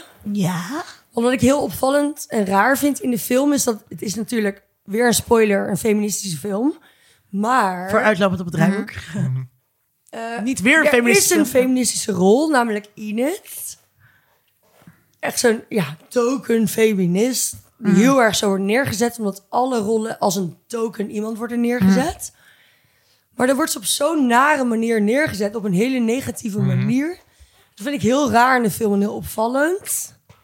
Ja, dat snap ik dan niet zo goed. Dus dan is het wel een feministische film. Laat ik het weer even... Oh, oh, oh, oh, gooi je het gaat toch andere, weer een gooi je het geurtje de andere kant op. Ja, Ja, ja, ja, ja, misschien ja, is het wel een ja, feministische film, maar misschien niet per se een queer film. Tom, eh, voordat we daar naartoe Mhm. gaan, ehm, personages en hun relaties? Hm? Wat? Favoriete personages en hun relaties? Eh, ik had eigenlijk ook Vivian. Want die vond ik ook gewoon heel tof dat je inderdaad heeft net. Zij heeft echt een omgekeerde eh, ehm, ontwikkeling als El. Ehm, en dat vond ik ook heel sterk gedaan. Omdat eigenlijk weinig andere karakters in de film. Zo die- die de donker kans- haar licht haar, toch? En Ja. dan, eh, uiteindelijk komen ze bij een soort van Komen ze in het midden uit. aardbeiblond. We zijn allemaal vrouwen. We worden allemaal geneukt door het patriarchaat. En zij wordt wel echt hard, ook hard geneukt door het patriarchaat. Doordat ze de hele tijd als, als assistente gebruikt wordt door die eh eh Callahan. Ja, ze hebben uiteindelijk door dat Warner een domme bonehead is. Dat is echt Ja. zo'n moment dat ze denken, ah, allebei. Ja, En dat ze hem ook niet per se terug eh, hoeven of zo. Nee, maar dat er, goed. dat er andere dingen zijn, zoals de quote die ik aan het begin zei. Oké, maar die, die omgang met stereotypen, dat is wel een ding. Eh, er zit heel veel, alles is heel stereotyp. Mhm. Kan dit nu nog? oeh, deze gay-representatie niet. Nee, die Gabbana Boy is inderdaad echt niet oké. Nee. En dan kunnen we het ook straks nog wel hebben met, met de tweede film, met The Gay Dogs. Ja. Ehm, nee, ik, ik denk niet dat, dat je daar nu als film nog mee weg zou komen. Ik vind het soms nog wel een beetje grappig in hoe onhandig het ermee omgaat. Tom, Ja? oh, ik ga je aangeven. Bij de woke politie. Ja. Ehm, nee, maar tegelijkertijd, het is, het is ook wel, je ziet gewoon dat dit van die tijd is. En dat het Ja, gewoon... Je ja, het kijkt toch naar een film in die tijd, dus dan... dan En toen was denk ik wel echt vooruitstrevend. Gewoon. Het was 2001, hè? Dus, eh, toen hadden wij in Nederland al de openstelling van natuurlijk voor mensen van het Ja, geslacht. nee, dus ik weet niet hoe go- goed het in die tijd is, maar ja, ja het is gewoon onhandig. Het is een beetje als zo'n Ja. high school film met al die token mensen. Dat hebben ze dan nu ook helemaal zo doorgezet. En het zet het daardoor heel sterk neer. Maar ja, met de blik van nu kan je dan zeggen... Oh ja, dat, ja. Maar mag je daar niet een knuppel in doen gooien dat het dus ook met het, met het, Maar doorbreken. met het risico dat ik het daardoor dus echt eh, eh, eh, dat, ik, dat ik dan weer gecanceld word. Ik heb het nummer van de politie al klaar. Liggen. komt de Ja, maar politie. ehm, 1 er, tuurlijk er zitten fucking stereotypen in. En niet alleen, eh, dus bijvoorbeeld die Enrique de Cabana Boy is niet alleen, Yes. is niet alleen, ja, Ja. is niet alleen heel stereotyp op zijn eh eh, Mexicaansheid, maar ook op zijn genes en op al die dingen. En in klassicisme dat hij dan de Cabana Boy überhaupt is. En dat Dus hij... de- ja. ja. Hij is een van de weinige eh, people of color ook in de film. Daar gaan we het zo nog over hebben. Ja. Mhm. Maar het is tegelijkertijd werkt dat uitvergroten van die stereotypen ook wel zo dat je ziet hoe die stereotypen werken. Ja. Dus bedoel, de hele film is gebaseerd op het stereotype blond zijn en je bent dom Ja. en mensen nemen je niet serieus. En je blijkt wel serieus genomen te kunnen worden. En dus bijna alle stereotypen worden in zekere zin... Nou, ik weet niet of dat bij Enrique de Cabana Boy zo is. Maar het is dus ook... Waar ik heen wil is zeg maar... Je hebt mensen die zeggen... "Mm, mm, mm, ik ben kleurenblind. Weet je wel? Terwijl dat je dat niet bent. Dat het dus soms ook goed is om geconfronteerd te worden in een film... Met deze stereotypen, in plaats van dat deze, stere- dat deze stereotypen nou per se doorgegeven worden Maar- Ja. in Legally Ja. Blonde. In de maatschappij sommige- heb je ook gewoon eh, verschillende kleuren. En dan gaan mensen ook op een soms nare manier met elkaar om. Dus het is ook raar om in een film te doen alsof kleur niet bestaat. Maar ik heb wel het idee dat in de film anders omgegaan Ja. wordt met het stereotype blond dan met het stereotype gay. Ja, Want want, de een, want, de een, want de een is een punchline en Ja. de ander is eh, een, een, een, een Een stereotype dat we... eh, Oh, oh, oh, gemarginaliseerde minderheid. Ik ga dat voortaan ook altijd zeggen. Ja. Ja. dat zegt op een gegeven moment, zegt uh, Brooke Windham dat. dat eh, we worden vanwege onze haarkleur gemarginaliseerd. Ja, en wat heel raar is, is dat je bij Elle Woods... die doet heel erg alsof, bijna alsof blond zijn heel vervelend is... en grote borsten hebben, terwijl het volgens mij best wel relaxed is. Het is de Maar- meest geprivilegeerde Ja, persoon exact. in de hele film. Nou, Behalve Nee, Hupplepup, the Third. nee, maar nou, Ja. ik dacht, nou, kijk, het is niet dat ik geen privilege heb. Ik duw mijn borst even vooruit. Ehm, maar het is wel zo dat ik bekom op allerlei plekken. En eh, dan uh, mensen denken dan helemaal niet dat ik dokter Duits ben. Ik bedoel dat, dat niet om te zeggen dat, dat ik nou een gemarginaliseerde minderheid ben. Maar, Maar het is geen maar- Olympics. Maar dat stereotype bestaat wel Ja. degelijk. En Ja. dat er, eh, ervaar ik ook wel echt. Ja, ze vragen ook echt nog wel steeds vaak wanneer komt de dokter hoor. Als Ja. je binnenkomt. En jij hebt niet één hele dikke tieten. Echt wel, hallo. Dus, ehm, oké, oké, oké. Ja, maar dus, maar ja, ik vind het dus wel ehm, ook wel interessant om over na te denken dat. ehm, oké, dus 2001 was echt een andere tijd waarin je die dingen kon doen. En nu, ik denk dus wel dat deze film eigenlijk nu niet meer op deze manier gemaakt. Nee. Zo, 100% niet. Ik ben ook heel Kunnen benieuwd naar worden. Legally Blonde 3. hoe ze dat gaan doen. Ja, of dat dan helemaal anders is. Of dat je wel weer... al- Ja, nee, ik denk het niet. ja. Ik denk, ik denk dat niet dat ze dan eh, dat soort queer stereotypes en ook eh, eh, eh, Latino stereotypes gebruiken op diezelfde Dat ze manier. misschien daar iets beter eh, Ja. in, in zitten. Dat ze daar iets woker in zijn. Ja. Ja. Ja, ja. Ehm, Maar het is ook raar, want in andere punten is deze film wel weer heel voor- vooruitstrevend. Ja. nou, laten we dan naar die vraag. Nou, volgens mij is die al lang be- al beantwoord. Eh, misschien moet ik nog even aan Tom vragen. Is dit een feministische film? Ik vind het best een feministische film. Best een feministische film. Groeien de mannen heel erg in de film eigenlijk? Mannen? Nee. Ja, de mannelijke personages? Nee, niet, die- niet, De hè? mannelijke personages in de film zijn. Ja. Eh, behalve dus behalve Callahan, waar, waar het op een gegeven moment een twist is dat zijn ware aard gereveeld wordt natuurlijk. Ehm, maar eh, eh, Luke Owens is gewoon... En met, Luke Owens. ja. Emmet is gewoon Emmet en hij is een good guy aan het begin van de film. En hij is een good guy aan het eind van de film. En in de tweede film is hij een good guy aan het begin van de film. En een good guy aan het eind van de film. ja. ja, dus geen, maar ja, ik heb geen geen klacht of zo. Maar nee. Geen, Nee, enkel, geen enkel mannelijk personage maakt groeien, maar alle vrouwelijke wel. Ja. Maar dat is ook waar de focus van de film zo. Ja. Ja. ja. Ja. En maakt dat, het tot, maakt dat het tot een feministische film? Ik weet niet of dat, dat het tot een feministische film maakt. Dat mannelijke karakters geen ontwikkeling doormaken. En vrouwelijke karakters wel. Maar de vrouwelijke karakters gaan ontwikkelingen door. eh, en groeien eh, zonder per se in te binden op een vrouwelijkheid. Of op gewoon. El is ook gewoon. Heel veel aan haar blijft hetzelfde. Maar ze maakt toch groei door. Ehm, en ik vind dat op zich wel feministisch. Dat ze niet zich hoeft in te vechten in die mannenwereld. Zij kan zichzelf blijven, maar toch status bereiken. Is El een feminist? Ik denk niet dat zij zichzelf zo ziet. En ik denk uiteindelijk gaan ze voor... Ik denk op het moment dat ze dus anderen gaat helpen, wordt ze een feminist. Maar op het moment dat ze alleen nog maar gaat voor ehm, zichzelf... en op het moment dat ze dus alleen maar gaat studeren... om inderdaad om andere mensen een hak te zetten, dan nog niet. Mhm. Vanaf het moment dat ze het inderdaad gaat gebruiken voor goed... en gaat, ehm, het gaat doen uit intrinsieke motivatie... wordt ze in mijn ogen wel feminist. Sarah? Ja, ik denk dat je eigenlijk een soort geboorte ziet van een feminist. Dus eh, een, een vrouw. Legally eh, Blonde, Birth of a Feminist. Dit is de titel van de aflevering. Ja, echt, toch? ja, je ziet haar eerst in haar sorority. En hè, ze wil dan nog gewoon haar man veroveren. En, en je ziet dan dat ze denkt... hey, ik heb gewoon kwaliteit. Ik ga ze inzetten. En ik ga gewoon doen wat ik wil. Ja, en ja, living my best life. En ik denk, ja, je ziet de geboorte van een feminist. Dus ik denk wel dat ze een feminist wordt. Maar in het begin is ze dat nog niet. En het is zeker een feministische film. Maar is het de allerfeministische film ooit? Dat weer niet, denk ik. Wauw, ik kan even nu niet meer feministisch. ik het ook zeker een feministische film. Het is al eerder een feministische film dan dat El feminist wordt. En wat ik dus zo... Ik maak hier altijd grapjes over over Sister is Powerful. Maar dat is wel echt snoeihard de boodschap van eh, zowel één als twee ook.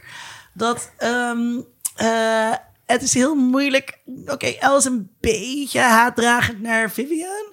Maar het is echt heel moeilijk om haar te betrappen op negatieve gedachten naar eh, andere vrouwen. En dat ze dus. ehm, dus ook naar Jennifer Coolidge. ehm, dat ze met. Nou, sowieso is het super inter- intersectioneel. Dus ze ziet met, zij weet gewoon heel goed de waarde van. eh, zij is nul elitair. Dus zij is vrienden met de mensen in de nagelsalon. En die gaat ze dus ook laten. eh, profijten van haar kennis. En ze zet dat allemaal in. En ze is altijd aardig voor iedereen. Ja, dat zou feminisme misschien ook wel iets meer mogen hebben. Eh, denk ik, denk ik soms. En ik, en ik vind dus ook... Ehm, met die Callahan bijvoorbeeld. Dus er worden op een gegeven moment al... Ja, als, je, als je die film dus heel vaak hebt gezien... dan zie je die hints droppen. Ehm, natuurlijk ver voor me toe. Maar eh, seksueel geweld was natuurlijk altijd al een issue van de vrouwenbeweging. Wat hier ook heel goed in aangekaart wordt. En je ziet al een paar keer, weet je wel... Oké, die gast is gewoon niet helemaal oké met vrouwen. En dat wordt zo uitgespeeld. Er zitten heel veel subtiele eh, feministische dingen in deze film. En bij dat ding is ook victim blaming. Omdat Selma Blair, Vivian, Ja, die eh, ziet dan een hand op een knie en die denkt dan dat El dat heeft gedaan. En die denkt dan, oh, zij probeert nu de baan daar te krijgen. ja. En dat is natuurlijk ook iets wat in het echt gebeurt. Dus dat is ook eigenlijk ahead of her time. Abs- ab- Ja. ja. absoluut. Ehm, ja, ik moet natuurlijk wel ook als de, als de gender studies onderzoeker dan beginnen over eh, post van fe- postfeminisme. Dus postfeminisme is een label dat veel eh, gender studies onderzoekers plakten op films uit de jaren negentig, uit eh vroege jaren nul. Waarin het lijkt alsof er een soort van feminisme gaande is. Denk ook aan de Spice Girls met Girl Power. Ehm, een soort van gecommercialiseerde vorm van feminisme. Waarbij er eigenlijk gezegd werd: Nou ja, hè, die tweede golf, dat was leuk.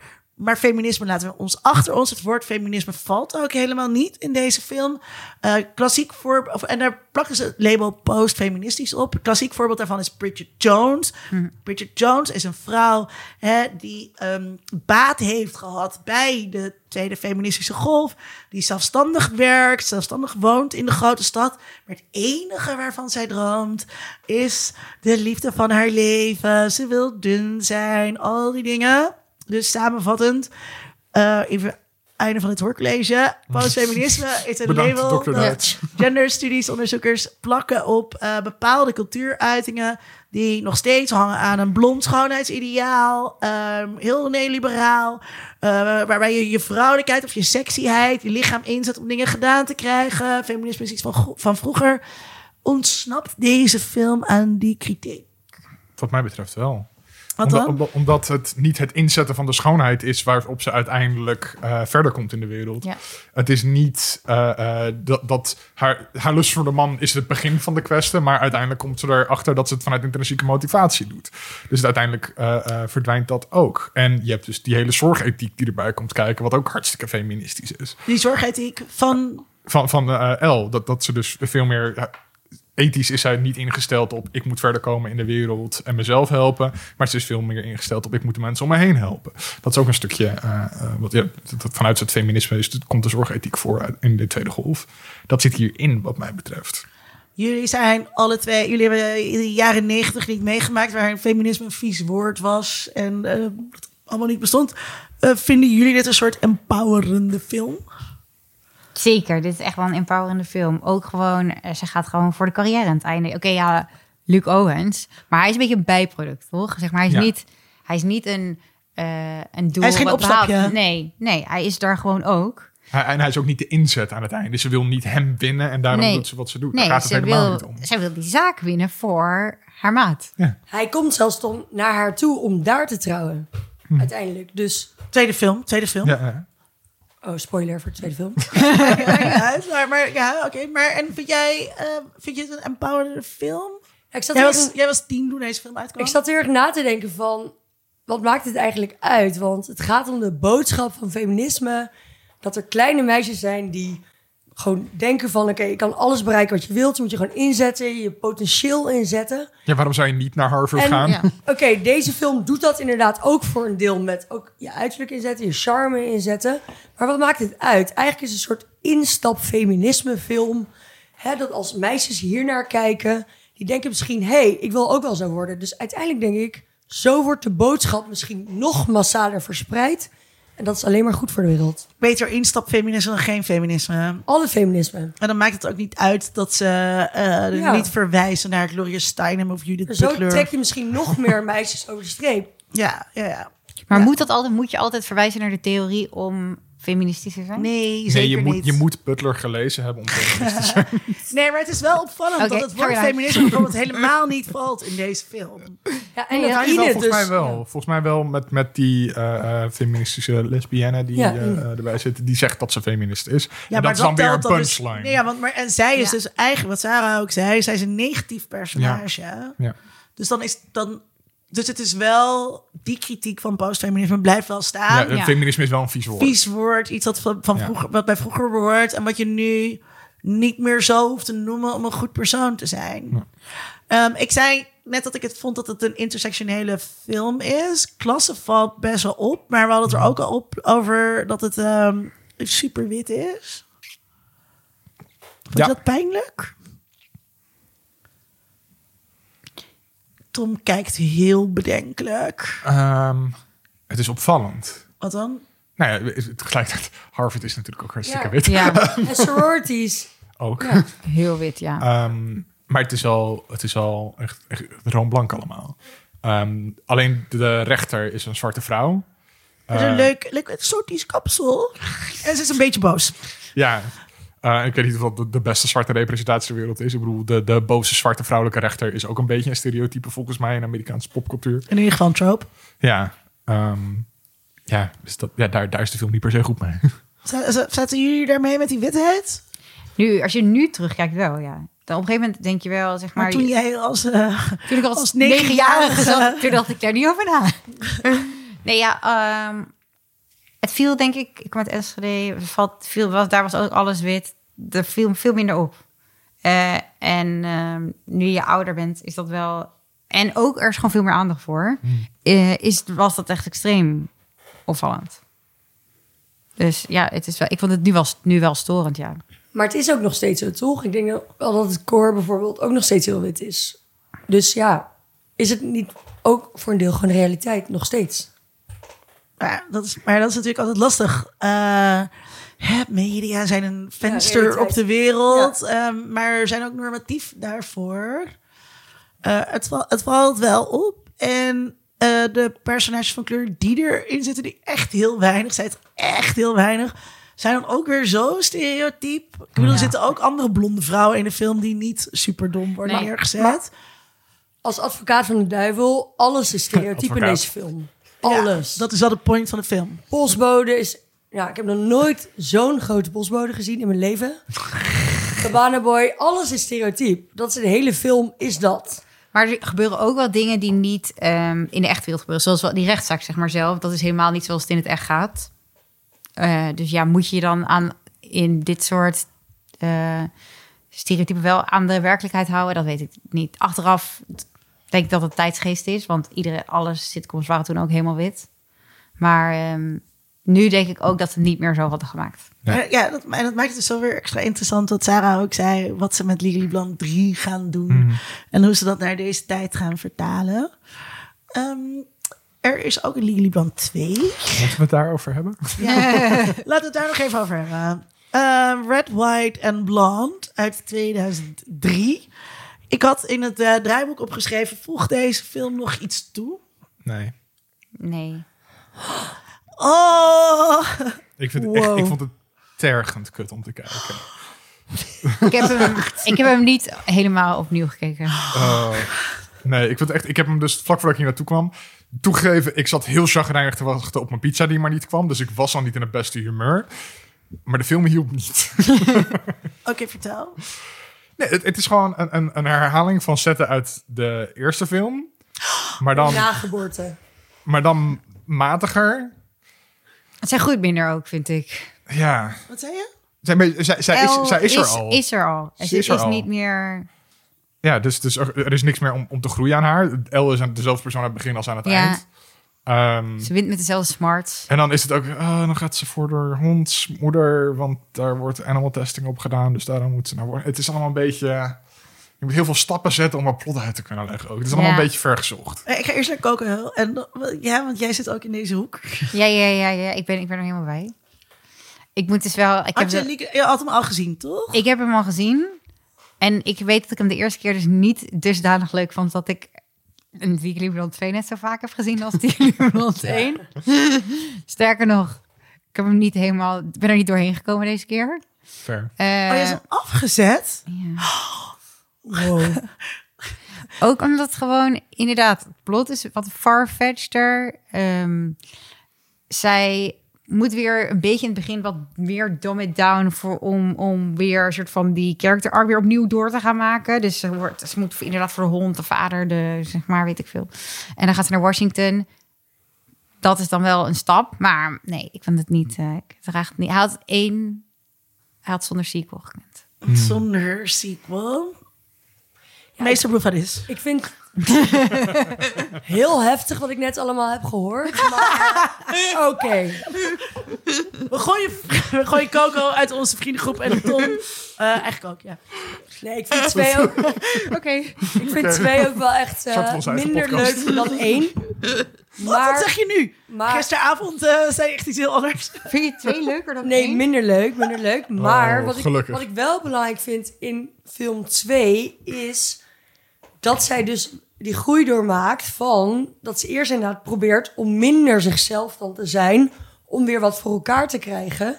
En dat ze dan weer bemerkt van, nee, ik ga dat niet doen. Ik ga gewoon weer mezelf zijn. Dat is een hele stereotyp boodschap.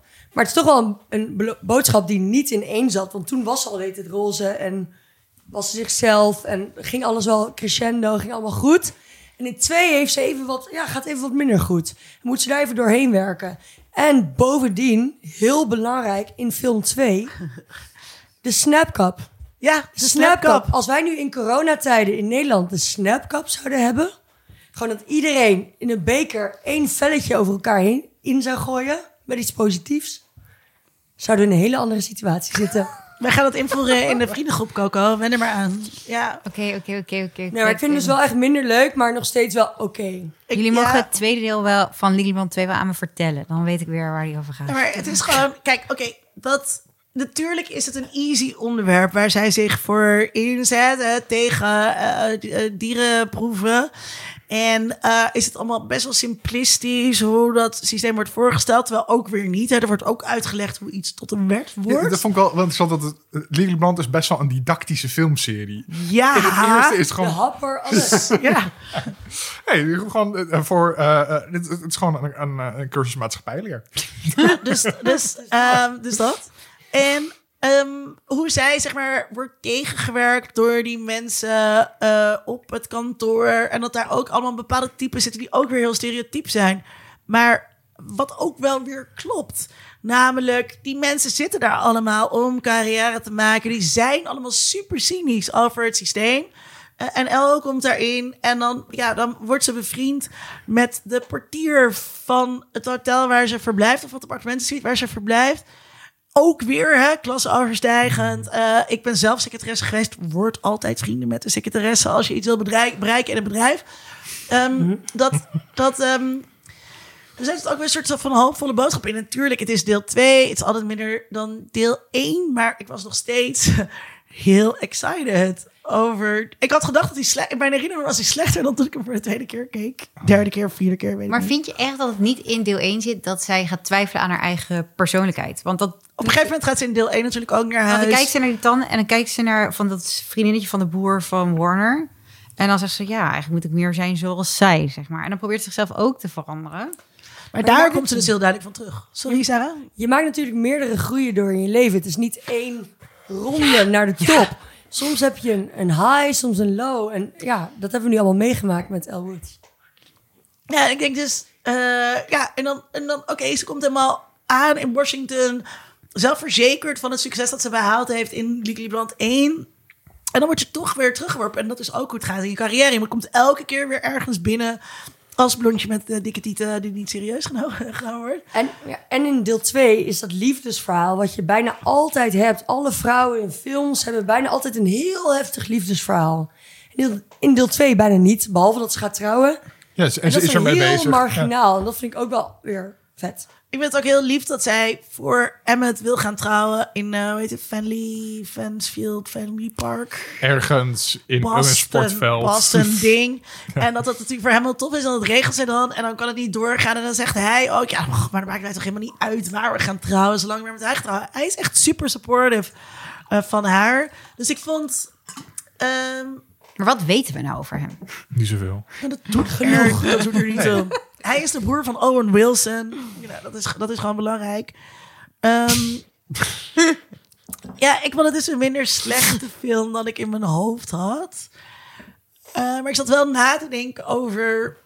Ja, wat zegt dit nou over het Amerikaanse politieke systeem? Zij... Zit er een stukje maatschappijkritiek in? Oh ja, ja, daar moeten we toch wel mee eindigen. dat Ehm, zijn geeky dingen natuurlijk. dat is, Ja. we zitten wel in de Dingen podcast. Ehm, zij ziet onrecht dat eh, haar hondje aangedaan wordt. Oh, oh, oh, dat is trouwens ook een super, super goed moment. Dan eh, is die evil ehm, eh, Victoria, gespeeld door, weet ze ook weer, Sally Fields. evil congresswoman. Die zegt dan, maar, maar dit is hoe politiek werkt. Maar daarom heb ik je, ik je niet gesteund. B- en dan wordt haar, wordt El dan een soort kutcompromis aangeboden van jouw law firm gaat ervoor zorgen dat eh Buster, Booster... Ja, ze wordt gewoon weggepromoveerd. Ze Maar zegt, dat- als jij dat- niet stopt Ja. met mij in de weg zitten, dan krijg je deze nieuwe baan. En dan, krijg je, en dan krijg je in ieder geval voor jouw hondje alles wat je wil bereiken. En jij krijgt een fantastische baan. En dan zegt zij, nee, want het gaat om alle dieren. Ja, ah, toen was ik weer, zat ik weer helemaal juichend op de bank. Elwood's vlaggetjes te zwaaien. Oké. Maar dat had je niet. Maar ben ik nou te enthousiast? Ga jij, ja, ga jij eens lekker... Nee, ik probeer gewoon jou, Tom, tot, Uh, tot, te, te bekeren. tot de cynische persoon van deze podcast te maken. Maar waar ben ik, maar waar ben ik? Ja, jij geniet er gewoon van dat de rollen omgedraaid zijn. Ja, Maar ik ben niet cynisch ja, over die Dat eerste is film. feminisme, Tom. Ik ben helemaal niet cynisch over die eerste film. Ik ben gewoon heel erg cynisch over die tweede. Die En is al terecht. nodig. Ja. Ik sta hier niet alleen in. Ja. Maar je vindt het ook niet... eh, mm, een klein beetje kritiek. Maar, ja, maar het maakt het nog geen goede film. Je kan nog zo correct zijn. Maar dat, dat is niet per se leuk om naar te kijken. Is dit een noot waarop we willen eindigen? Willen we niet heel hype vooruitkijken naar de derde film? Is dat, Ja, is dat de noot waarop ja. je wil eindigen? Oh ja, natuurlijk. Oké, ja, laten we daarmee eindigen. Eh, ik doe eerst eh, Tom, dan Coco, dan Sarah. Ik ga wel naar de bios. Ik ga dit zien. Ja, met Ja. ons. Sure. Moet ik wel de dag erna heel veel Ook drinken? als we Elwood's vlaggetjes mee hebben. Sure. Ik zwaai ze wel mee. Allemaal in het roze. Moet ik een roze shirt kopen, maar dat is ook oké. Ik, ik, ja, prima. Coco, ben je psyched voor deel 3? Ik ben zeker psyched voor deel 3. Ik denk dat ze president gaat worden. Maar dat is de vraag. Kijk, ze is al super kick-ass strafrecht advocaat advocaat geworden. Ze heeft al wetten ingediend in Washington.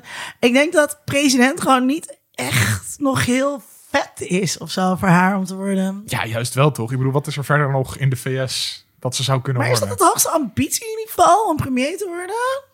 En dat zeggen ze toch allemaal als ze klein zijn. I want to be the next president, zeg maar. Ja, maar daar, ik denk dat Elwood gewoon veel vergaande ambities heeft dan dat. En veel verder achter de schermen kijkt ook dan dat. Wat denk je dan in human rights?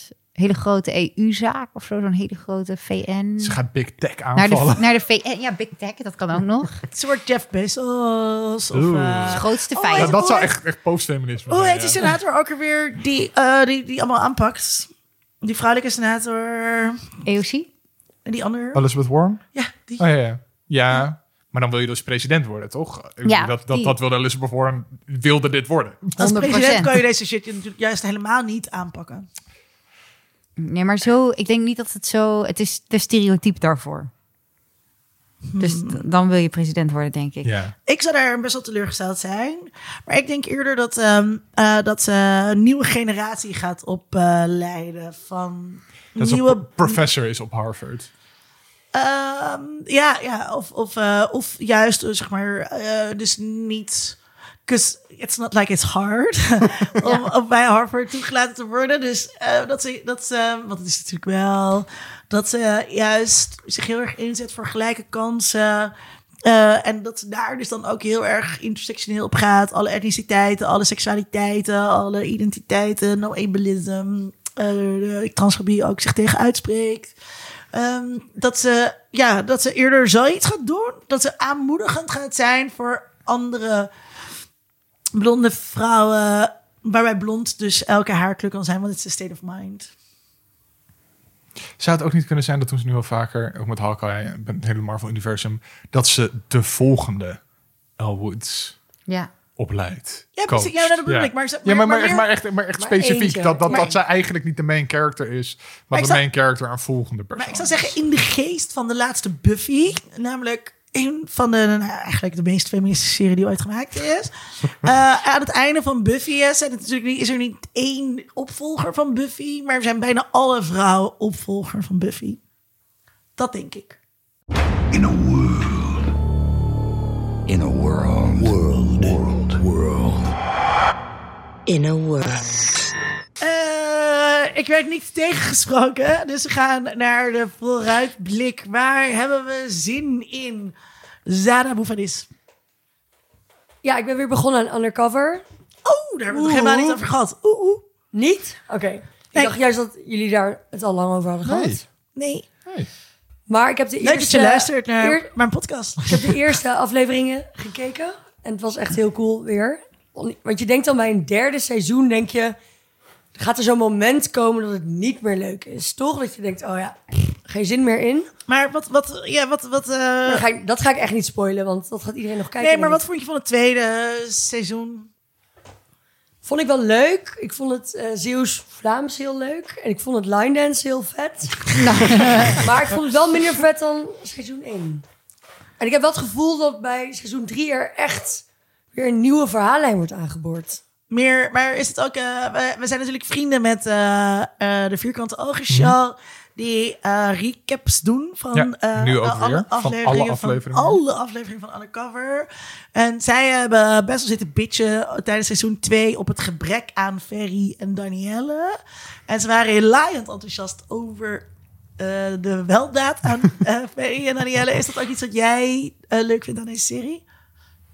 Ik denk dat dat een heel erg focus is op twee personages erin. Daar gaat de serie niet over, toch? Dus misschien zijn ze dan heel erg fan.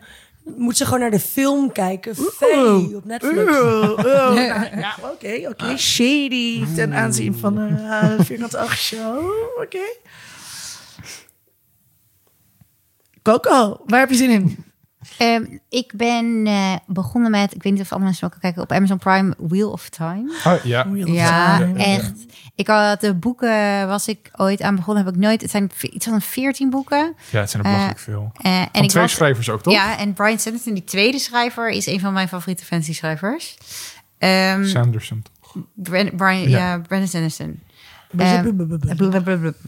Ehm, en dit moet de Amazon-versie van de Jeff Bezos eh, eh, Game of Thrones gaan worden. Dat is Wat waar. bedoel je, Jeff Bezos, Game of Eh, Thrones? Ja, we hebben het Amazon van... Ja, Ja, het is van Oh, Jeff Bezos. eh, hij, is van oké, Jeff- oké, het- ja. hij is toch van Amazon? ja. ja. Oké, hoe?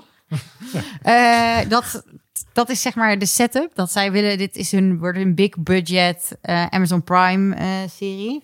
En ik moet eerlijk zeggen, ik sta heel erg in. Ik vind het echt Oh. een... eh, aflevering oké, 4, oké, oké. gisteren gekeken. Aflevering 5, vrijdag ga ik meteen kijken. En Tom en ik hebben ook in de vorige bonus content eh eh, Wheel of Time besproken. Ehm, dus eh, luister dat om te weten hoe is. Dan gaan we niet, gaan we Oh, niet gaan we klappen. niks zeggen? Gaan we niks nee, gaan we, niks, gaan we niks over verklappen. Ja, Oh. Tom, waar heb jij zin in? dat is een teaser, toch? Ja, dat is een goed- oeh, Dit dat is is wel wel echt- verkopen. Maar, maar is, is dit teaser of is dit gewoon blue balls geven? Nee, anyway. Eh, Laat het aan ons weten via vriendenshow.nl slash kiki dingen. Ehm, ik eh, kijk heel erg uit naar een andere Prime-serie. eh, die door Bezos persoonlijk gered is. Een van de weinige goede dingen die hij ooit in zijn leven gedaan heeft. The Expanse. een van mijn favoriete sci-fi boekenseries ook. Ik ben nu ook daar weer heel erg diep in. Omdat ik op een gegeven moment uitgevallen ben. Omdat dat ook heel veel boeken zijn. Ehm, dus ik ben er weer in bezig. En dit wordt het laatste seizoen. Dus er zijn negen boeken, maar maar zes seizoenen. En ook vanaf het vorige seizoen zijn ze volgens mij al een beetje losgeraakt van de boeken. En doen ze nu eigenlijk een Game of Thrones. good or a bad thing? I don't know. Ik vond het vorige seizoen fine, maar wel minder dan de Fine. Prima. daarvoor. Ja, prima. Oké. Ehm, maar dus dat vond ik wel jammer, omdat ze een beetje een perfecte wat, wat, wat, wat ik leuk vind aan de Expanse. Aan de ene kant heb je heel gegrond politiek drama. En aan de andere kant heb je een soort van Lovecraftiaanse existentiële angst voor aliens die je kan, komen kapot maken. Eh, en de aliens waren eigenlijk uit het vorige seizoen verdwenen. Dat was gewoon weg en het was alleen maar politiek Politiek. drama. Wat zeg je nou dat het sociologische storytelling was? Ja, ja, het, het Experiment is hartstikke sociologisch. Maar ik wil ook mijn existentiële angst. Ik moet alles bij hebben. en dat miste ik heel erg. Eh, en er werd al in de trailer voor dit nieuwe seizoen heel erg geteased... dat dat toch wel weer nu er terug, terugkomt. Want ze moeten nu in, ook weer Game of Thrones-achtig... in zes, zeven afleveringen gaan ze het hele verhaal afronden. Dus ik ben... Ik kijk er naar uit, maar ik ben er ook bang voor... dat ze hem gaan Game of Thrones zijn. Dat is altijd kut. Ja. Game of Thrones vind ik een mooi werkwoord in deze voor het verfukken van een serie einde. ja.